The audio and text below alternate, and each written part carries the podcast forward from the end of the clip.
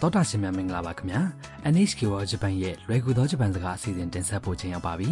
ဒီကနေ့ကစပြီးသင်ခန်းစာအသစ်စတင်တင်ဆက်ပါမယ်ကျွန်တော်မင်းခမ်းပါ ကျမအပွင့်မှာဂျပန်ဝင်ရောက်လာတဲ့အခါအသုံးဝင်မဲ့ဂျပန်စကားအသုံးအနှုန်းတွေကိုအတူတူပျော်ပျော်ရွှင်ရွှင်လေ့လာကြရအောင်ဂျပန်နိုင်ငံရဲ့ယဉ်ကျေးမှုနဲ့လေပတ်စရာနေရာတွေအကြောင်းကိုလည်းလေ့လာသွားကြပါမယ် ဒီကနေ့တော့နေရာကိုဘယ်လိုမရတယ်ဆိုတာလေ့လာပါမယ်အစီအစဉ်နောက်ပိုင်းမှာတော့ဂျပန်ဘာသာစကားရဲ့အတန်အကြောင်းနဲ့ပတ်သက်ပြီးပြောပြသွားပါမယ်တောတာရှင်တို့ဤဒီဇက်လန်မှာအဓိကဇက်ကောင်ကဗီယက်နမ်ကလာတဲ့တွက်လက်တက်ကြွနေတဲ့ចောင်းသူတန်ဖြစ်ပါတယ်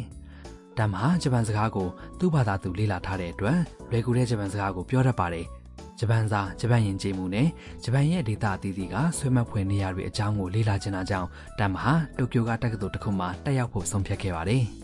သင်ခန်းစာတင်မှာတော့ဂျပန်ကိုပထမဆုံးအကြိမ်အဖြစ်ရောက်လာခဲ့တဲ့တမ်ဟာသူနေဖို့စီစဉ်ထားတဲ့ Harusan House Harusan House ဆိုတဲ့ share house အိမ်ကိုရှာတဲ့နေရာကနေစထားပါတယ် share house ဆိုတာတခြားသူတွေနဲ့အတူတူမျှပြီးနေရတဲ့အိမ်မျိုးပါတဦးချင်းစီအတွက်ကိုယ်ပိုင်သီးသန့်အိမ်ခန်းပါပါတယ်မိဖို့ကြောင့်အဲကန်စတာတွေကတော့ဘုံသုံးရတာကြောင့်နေတဲ့သူအချင်းချင်းတယောက်နဲ့တယောက်တွေ့မြင်ဆက်ဆံလို့ရတဲ့အိမ်ငှားမျိုးဖြစ်ပါတယ်အဲ့ဒီအချိန်မှာပဲလှလှပပဝေစားထားတဲ့အမျိုးသမီးတူနဲ့ចောင်းသားတူသူ့အနာကိုရှောက်လာပါတယ်တမ်ဟာသူသိကျင်တဲ့နေရာကိုသူတို့ကိုမိဖို့ဆုံးဖြတ်လိုက်ပါတယ် ကဲဒါဆိုသင်ခန်းစာ1ရဲ့ဇက်လန်ကိုနားထောင်ကြည့်အောင် すみませんハルサンハウスはどこですかハルサンハウスあれ僕たちの家だよねすぐ近くです一緒に行きましょうはこっちだよいありがとうございます ဝကြတစ်ကြောင်ချင်းသုံးသပ်ကြည့်အောင် တမ်က すみません တစ်စိမ့်လောက် ハルサンハウスはどこですか ဟာရူဆန်ဟောက်စ်ဘယ်မှာလဲ ចောင်းသားဖြစ်တဲ့ကိုက်တူက ハルサンハウスあ ဟာရူဆန်ဟောက်စ်လား れ僕たちの家だよね အော်ကျွန်တော်တို့အိမ်မှာပဲ အမျိုးသမီးမိယာဝင်ပြောလိုက်တာက すぐ近くです ဒီနားလေးမှာပါ 一緒に行きましょう အတူတူသွားကြရအောင် ကိုက်တူကထပ်ပြီးပြောလိုက်ပါတယ် こっちだよ ဒီဘက်မှာပါ တမ်ပြန်ပြောတာကတော့ はいありがとうございます ဟုတ်ကဲ့ကျေးဇူးတင်ပါတယ် အိမ်နှစ်ယောက်ကဟာရူဆန်ဟောက်စ်မှာနေတဲ့သူတွေဖြစ်နေရနော်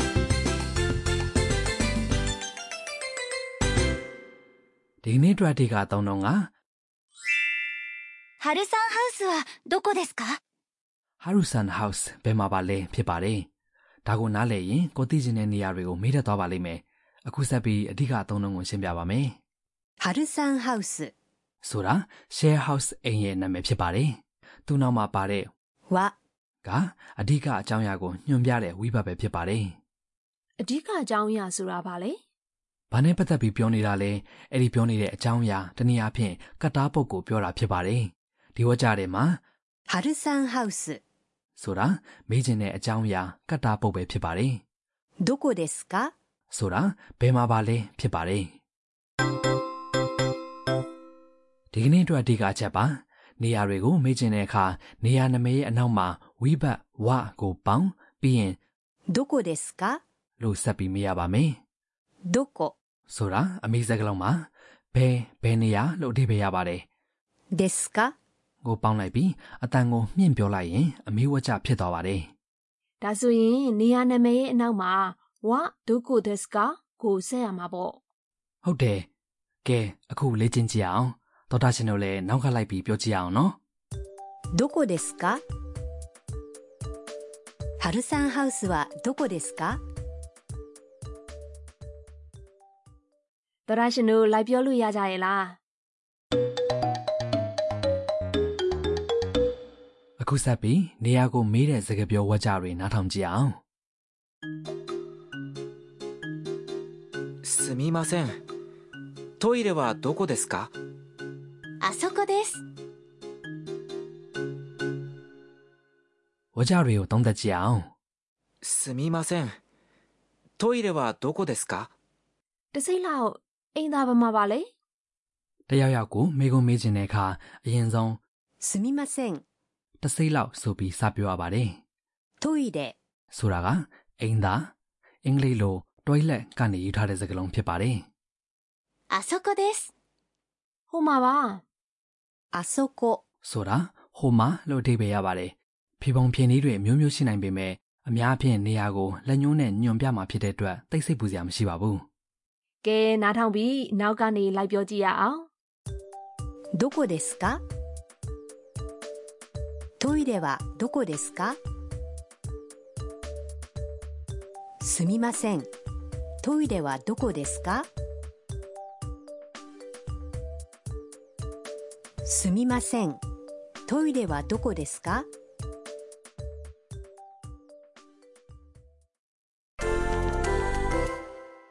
ကဲသောတာရှင်တို့လည်းမေးကြည့်ရအောင်နော်ဘူရာကိုသွားခြင်းနဲ့ဆိုရင်ဘယ်လိုမေးရမှာပါလဲ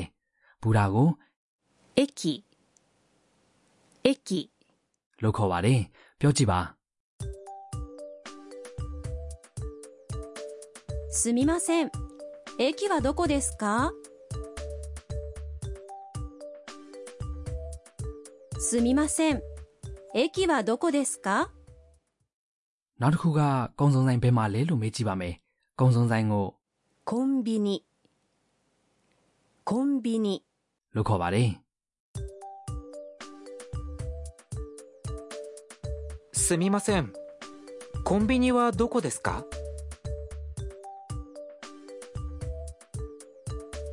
すみませんコンビニはどこですか သရရှင်တို့အမှန်ကြားတယ်မဟုတ်လား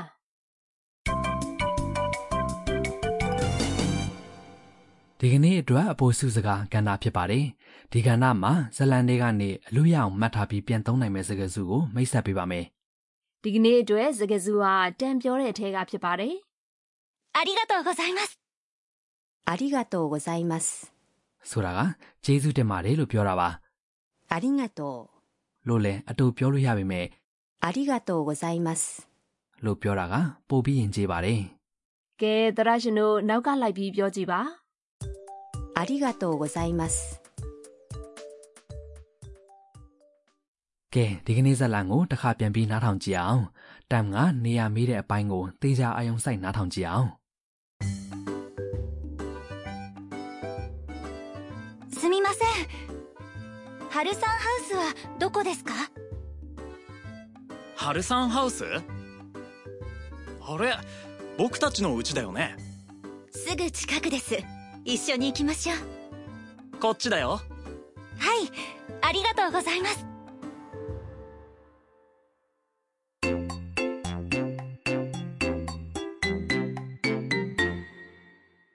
မပွင့်ရေဂျပန်စကားကအတန်တွေကိုနားထောင်ကြည့်ရတာဘယ်လိုထင်လဲ အတန်တူတူလေးတွေကဆက်နေတယ်လို့ထင်ရတယ် ဟုတ်တယ်ဂျပန်စကားမှာစကားသံအများစုကဘီးသံတစ်သံသရသံတစ်သံနဲ့ဖွဲ့စည်းထားတယ်အတန်အပြင်းအပြော့မပါပဲညံ့ညံ့ညောညောပြောတာဖြစ်တဲ့အတွက်တချင်းစုံနေတယ်လို့မျိုးကြားကောင်းကြားနိုင်တယ် အတန်အပြင်းအပြော့လုံးဝကိုမပါတာလား ဒီဘွေအဖြစ်တော့ဂျပန်စကားရဲ့အတန်ကတန်ပြင်းတန်ညင်းလို့ခေါ်တဲ့အတန်အပြင်းအပြော့နဲ့ပြောတာမဟုတ်ပဲအတန်အနှိမ့်အမြင့်နဲ့ပြောတာပါစကလုံးတိုင်းစကလုံးတိုင်းမှာအတန်ချမဲ့နေရဆိုတာရှိပါတယ်အဲ့ဒါကဝါကြတစ်ခုလုံးရဲ့တန်စင်အနှိမ့်အမြင့်အတက်အကျကိုဆုံးဖြတ်ပေးတယ်ဥပမာ 雨が降りました。 မိုးရပါတယ်ဆိုတာကို 雨が降りました。 လို့ပြောလိုက်လို့ရှိရင်အတိဘယ်ကတကြားလုံးတွေပြုတ်ကျလာတယ်ဆိုပြီးဖြစ်သွားပါတယ် ဟဲဒီလိုလား ဟုတ်တယ်ဒါပေမဲ့စိတ်ပူစရာတော့မရှိပါဘူးဂျပန်စကားမှာအတန်ကအများကြီးမရှိတဲ့အတွက်အတန်တွက်ကလည်းတိတ်ပြီးမခတ်ပါဘူးလေယူလေသိန်းကလည်းအခုနားမလဲရင်တော့တဖြည်းဖြည်းဂီးဥဆိုင်နားထောင်သွားမယ်ဆိုရင်နောက်ဆိုနားရင်သွားမှာပါ ဟုတ်ကဲ့နားလည်ပါပြီ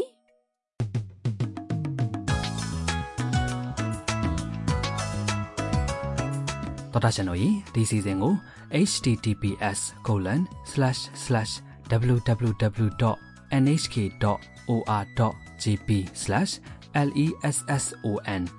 https://www.nhk.or.jp/lesson/my/ ဆိုတဲ့ internet စာမျက်နှာကနေလည်းကြည့်ရှုနားဆင်နိုင်ပါတယ်။ anime cartoon နဲ့သရုပ်ဖော်ထားတဲ့ဇာတ်လမ်းကိုလည်းကြည့်ရှုနိုင်ပါတယ်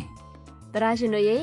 တမ်နေမဲ့ဟာရူဆန်ဟောက်စ်ဆိုတာဘယ်လိုနေရာမျိုးပါလဲနောက်တစ်ပတ်မှာအဆုံးကြရအောင်နော် ။